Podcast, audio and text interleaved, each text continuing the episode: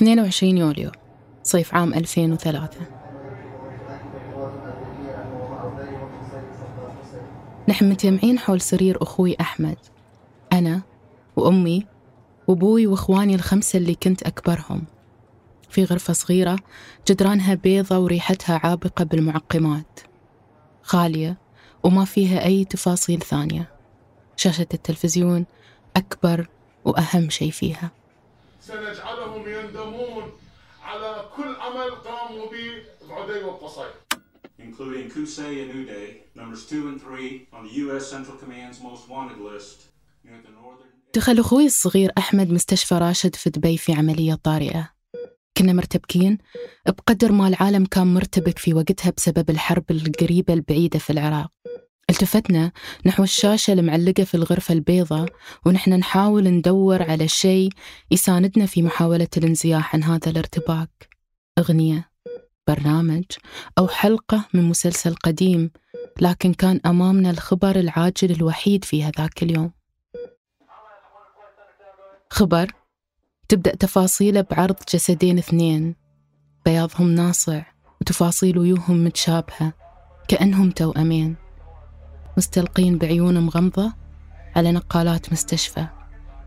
الجسدين هايل كانوا جثتين عدي وقصي صدام حسين.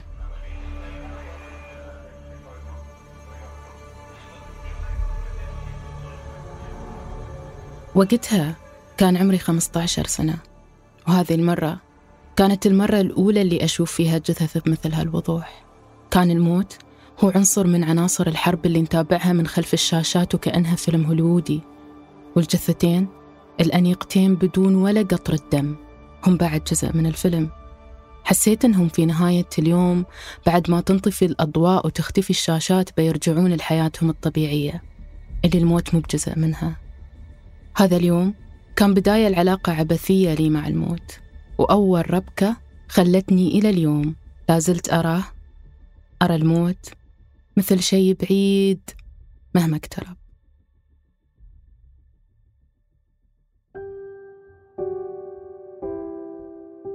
في هذه الحلقة من أصوات معاكم أنا صالحة عبيد.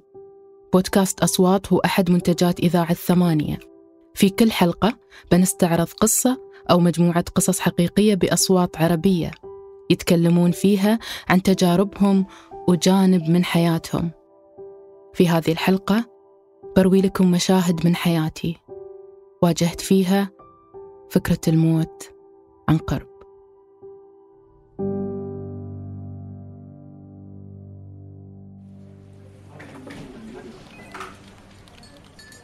شو هو شكل اليوم العادي بالنسبة لكم؟ بالنسبة لي قبل أكتوبر 2018 كان اليوم العادي هو اللي أقضي فيه فترة أول النهار في المكتب بين اجتماعات ولقاءات وأعمال مكتبية رتيبة. الرتابة اللي قطعها مسج من أختي الوسطى. أنا في دبي وهي مع العائلة في الشارجة. ظنيت بأنها بتكلمني عن شأن من الشؤون العادية حول العائلة أو عنها لكني ولا بأي شكل من الأشكال توقعت أني بشوف. ماما عندها كانسر.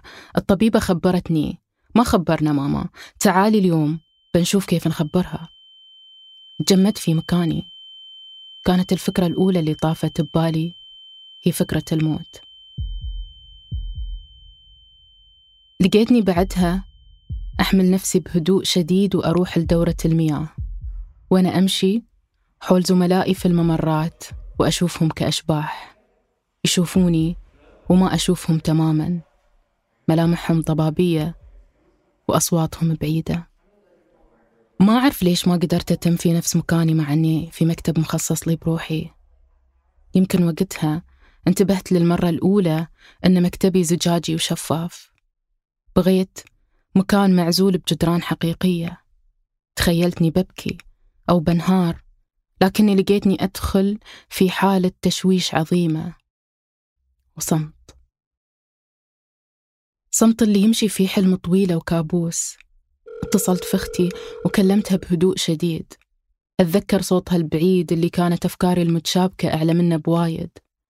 أتذكر إني طلبت إنها تنتظر لين ما نفكر بطريقة نخبر فيها أمي. وإني قررت إني نفسي بتجاهل سؤال الموت وفكرته. تمسكت بفكرة إن هذا يوم عادي. لازم لازم يكون يوم عادي. حتى إني قررت زيارة صديقة ولدت طفلها الأول وما لغيت الزيارة بعد الخبر.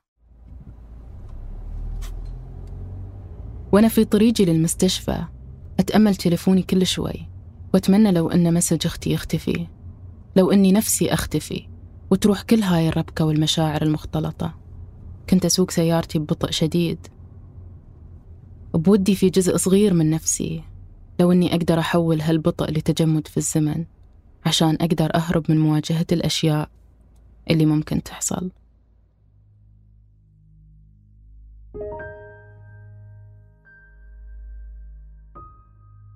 زيارة صديقتي كانت لحظة غريبة. في المستشفى لمست الكائن الصغير وأنا أفكر بإني أعرف زين كيف تبدأ الحياة هذه. هي قدامي في هالجسد ألمسها وأشمها وأسمعها. لكن الموت كيف شكله؟ تابعت الأحداث بعدها. بلغنا أمي بحذر في هذيك الليلة. أنا وأختي وأبوي جالسين حولها في غرفتها هي وأبوي. أمي اللي أخبرها حدثها بالأمر. واستقبلت الأمر بربكة صامتة تشبه ربكتنا. صمت ما توقعناه منها. هي اللي كانت دائما شخصيتها معبرة وفوارة عن أي عاطفة أو مشاعر بجرأة وقوة. بعكسنا نحن الأولاد والبنات اللي ورثنا تحفظ أبوي الشعوري تجاه كل الأحداث الكبرى. حاولنا أن نفسر صمتها بشجاعة. شجاعة نحن ابتكرناها بنفسنا اعتباطيا ونحن نحاول نهرب من الخوف وانعدام الأمان واليقين. عارفين لو منا خافت فنحن بننهار. حتى ولو كلف الأمر أن نفرض عليها قناع التماسك الثجيل فوق أمر المرض.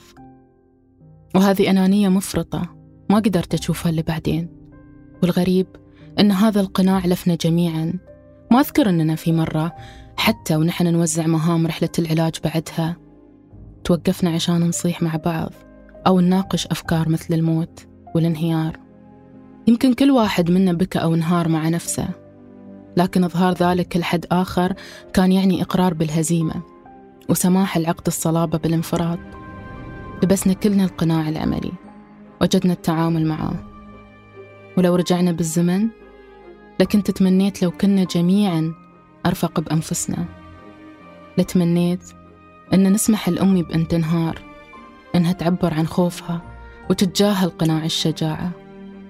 لكننا كنا كلنا أنانيين وأصرينا عليها في هالشيء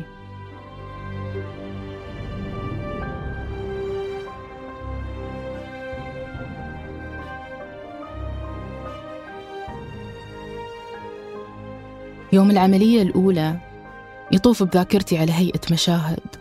المشهد الأبرز اللي دايما بيتم في ذهني. هو المشهد اللي كنت فيه جالسة في حالة من الاختناق في دورة مياه المستشفى. كنت أحاول أشوف الموت وما قدرت. أفتح عيوني بقوة. أريد أشوف هالكيان اللي تمكن من كل تفاصيل حياتنا خلال الشهرين الماضيين اللي يحوم حولنا بسخرية لها ظل أسود. كان يلفني شعور غامر بالذنب بعد. في هاليوم كلهم أبوي وأختي وأخوي راحوا مع أمي إلى مكان قريب جدا من باب غرفة العمليات. إلا أنا جبنت. اختبأت. الجبن اللحظي اللي تحول لفكرة عظيمة بالذنب. خلت شعور الاختناق يزيد. وأدركت أني في هذاك اليوم في عام الثلاثين أصابتني أول نوبة هلع في حياتي.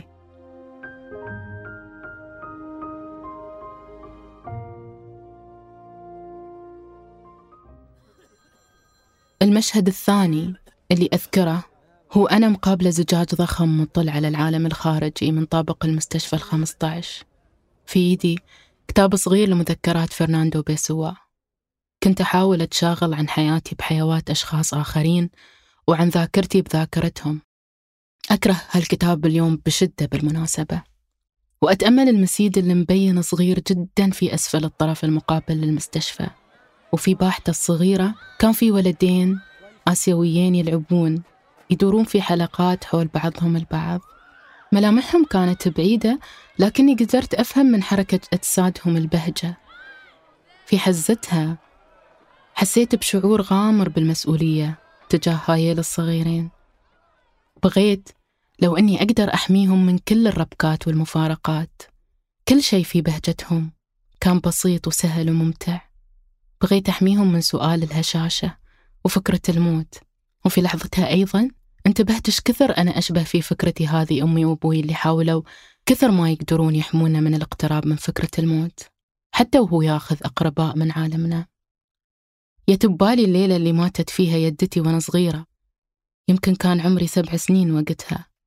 كانت يدتي في ذهني وإلى اليوم مثل اللي غادر في رحلة مع أمي وأبوي في السيارة في نص الليل وما رجع.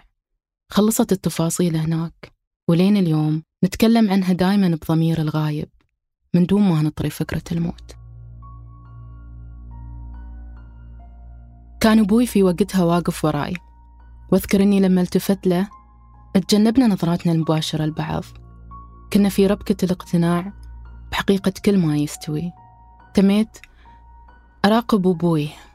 كان متماسك كالعادة كعادة كل الآباء لكنه كان ناقص أيضا. وشلتني في لحظتها فكرة خوف ثانية. كيف بنقدر نشوف أبوي بدون أمي لو هم دايما مع بعض؟ في كل التفاصيل والأحاديث الصغيرة واليوميات العابرة ما قد لقيت نفسي أفكر فيهم بشكل منفصل. واحدهم عن الثاني. مخيف. مخيف مخيف وايد. قطعت الدرب على الفكرة. وعبرنا مع بعض لحظات الانتظار. كلنا كنا قراب من بعض جسديا وبعاد وايد عن بعض ذهنيا. أذهاننا وقلوبنا كانت في غرفة العمليات. كانت معلقة مع كل صوت الخطوات تقترب.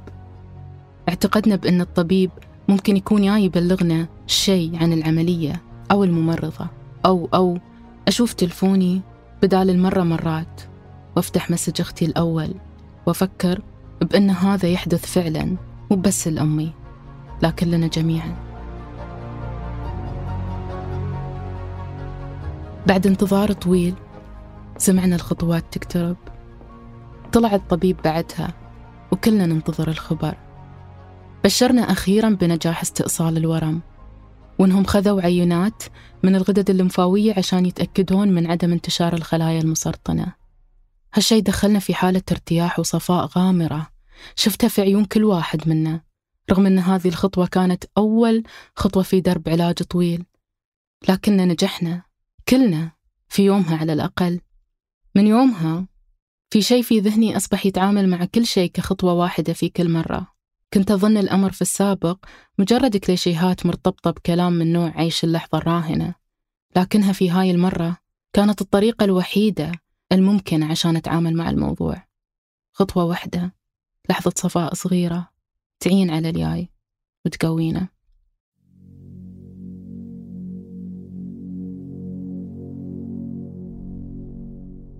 في اليوم الثاني بعد العملية كان لازم أحضر ندوة عن رواية جديدة لي. شفت نفسي وأنا أنفصل عن ذاتي الهلعة والمرتبكة وأطلع كصالحة ثانية. تروح اليوم عادي تتكلم فيه عن الكتب والكتابة. كل شيء رغم الخوف الشديد واللا يقين والمقاومة المستميتة لفكرة الانهيار. الانفصال إلى ذاتين كان طريقتي اللي طورتها فجأة للتعامل مع الموضوع. حتى ما خبرت أي حد باللي يصير. قررت أن كل شيء بيتم داخل أسوار بيتنا. لكني خارجة بعبر الأيام الرتيبة العادية جدا. كل شيء إلى اليوم في ذاكرتي لا زال مرتبط بشيء عظيم من انعدام الإحساس بكل شيء وقع لمسة الناس. أصواتهم مذاق الطعام وكل التفاصيل الحلوة. والمشاهد حولي كانت كأنها لحظات مشوشة مقطوعة من الحلم اللي بدأ من اللحظة اللي بلغتني فيها أختي بالخبر.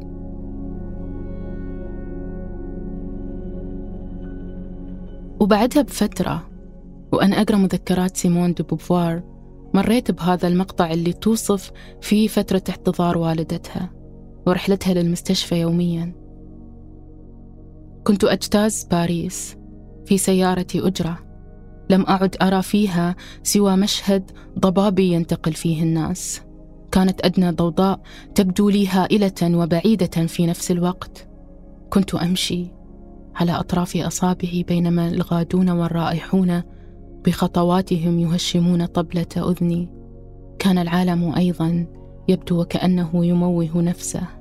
واللغة واللغة كانت تتعفن في فمي. لقد شعرت بأنني كنت أمثل دورا كوميديا في كل مكان. لقيتها تعيش معي ذات الشعور بالضبط ذات الضبابية والربكة اللي يذوب فيها كل شيء ويميع كانت دبي ما تفرق عن باريس. وغرفة أمي في المستشفى تماما مثل غرفة أمها مع اختلاف التفاصيل والنهايات. اللي كنا كعائلة فيها محظوظين أكثر من حظ بوفوار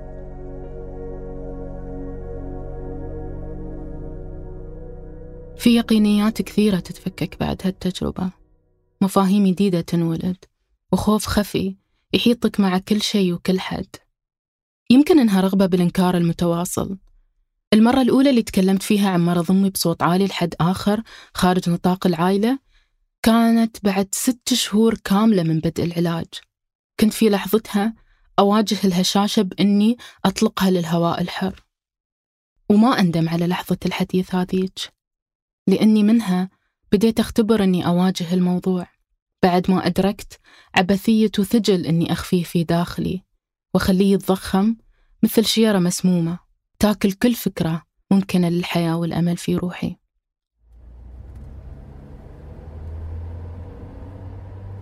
في كل مرة أكون فيها في السيارة مع أمي رايحين الموعد مستشفى أو راجعين منه يكون دايما نفسي أسألها ماما تخافين من الموت؟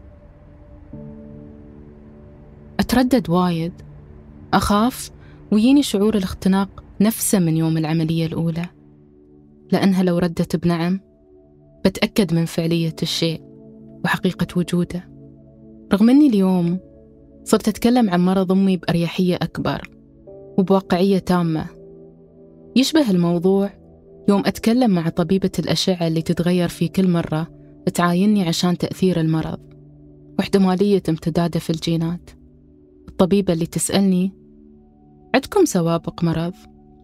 أمي سرطان في الثدي آه آسفة وكيف هالحين؟ أحسن الحمد لله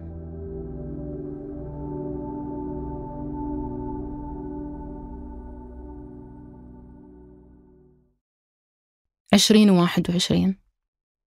ما أذكر تحديدا كيف بدأ الأمر لكني أذكر أني تسمرت مكاني وأنا أسمع صديقي يتكلم عن تجربته في مقابلة جثة لشخص قرر ينهي حياته بحكم عمل صديقي في القطاع الشرطي الجنائي في وقتها.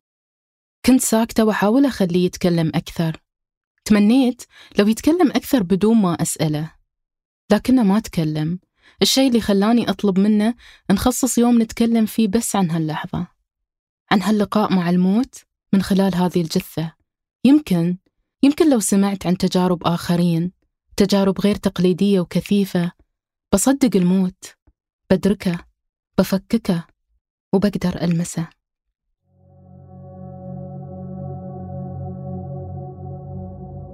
كان أكثر شيء لفت انتباهي وصديقي يتكلم عن الدخول الموقع بلغوا عنه بسبب رائحة عطونة شديدة من مكان مجهول. هو كلامه عن وجه هذاك الشخص.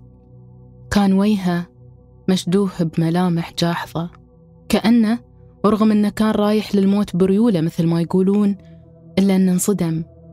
صابته دهشة غريبة وغير مبررة. وكل ما وصف صديقي أكثر كل ما فهمت أن الموضوع فعلا غير قابل للتفسير. وأن البحث عن تفكيك منطقي للحالة هو عبث مطلق.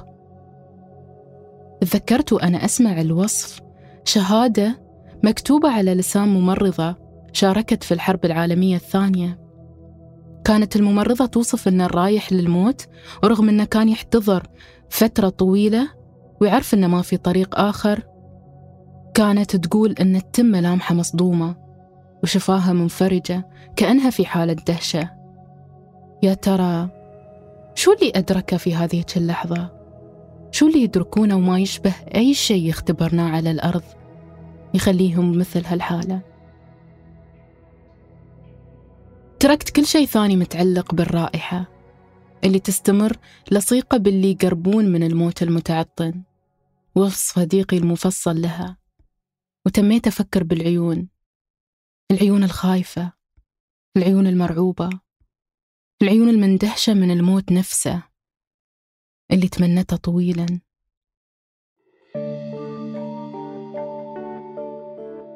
للموت رائحة وويه متواري ورا الويوه اللي ياخذ أجسادها ويه لمليون شكل صعب نحصره. يمكن غموض الموت غرابته وألمه وأساه هو عبارة عن تجربة متوزعة على تجاربنا كلنا في العالم. وما في أي شيء بيخلينا ندركه أو نفهمه. المهم نواصل. وفي مواصلة السؤال الصعب بكل اللي فيه من انهيارات وصدمات تنخش فكرة الحياة الممكنة حتى ونحن نفتش عليها في قلب الموت.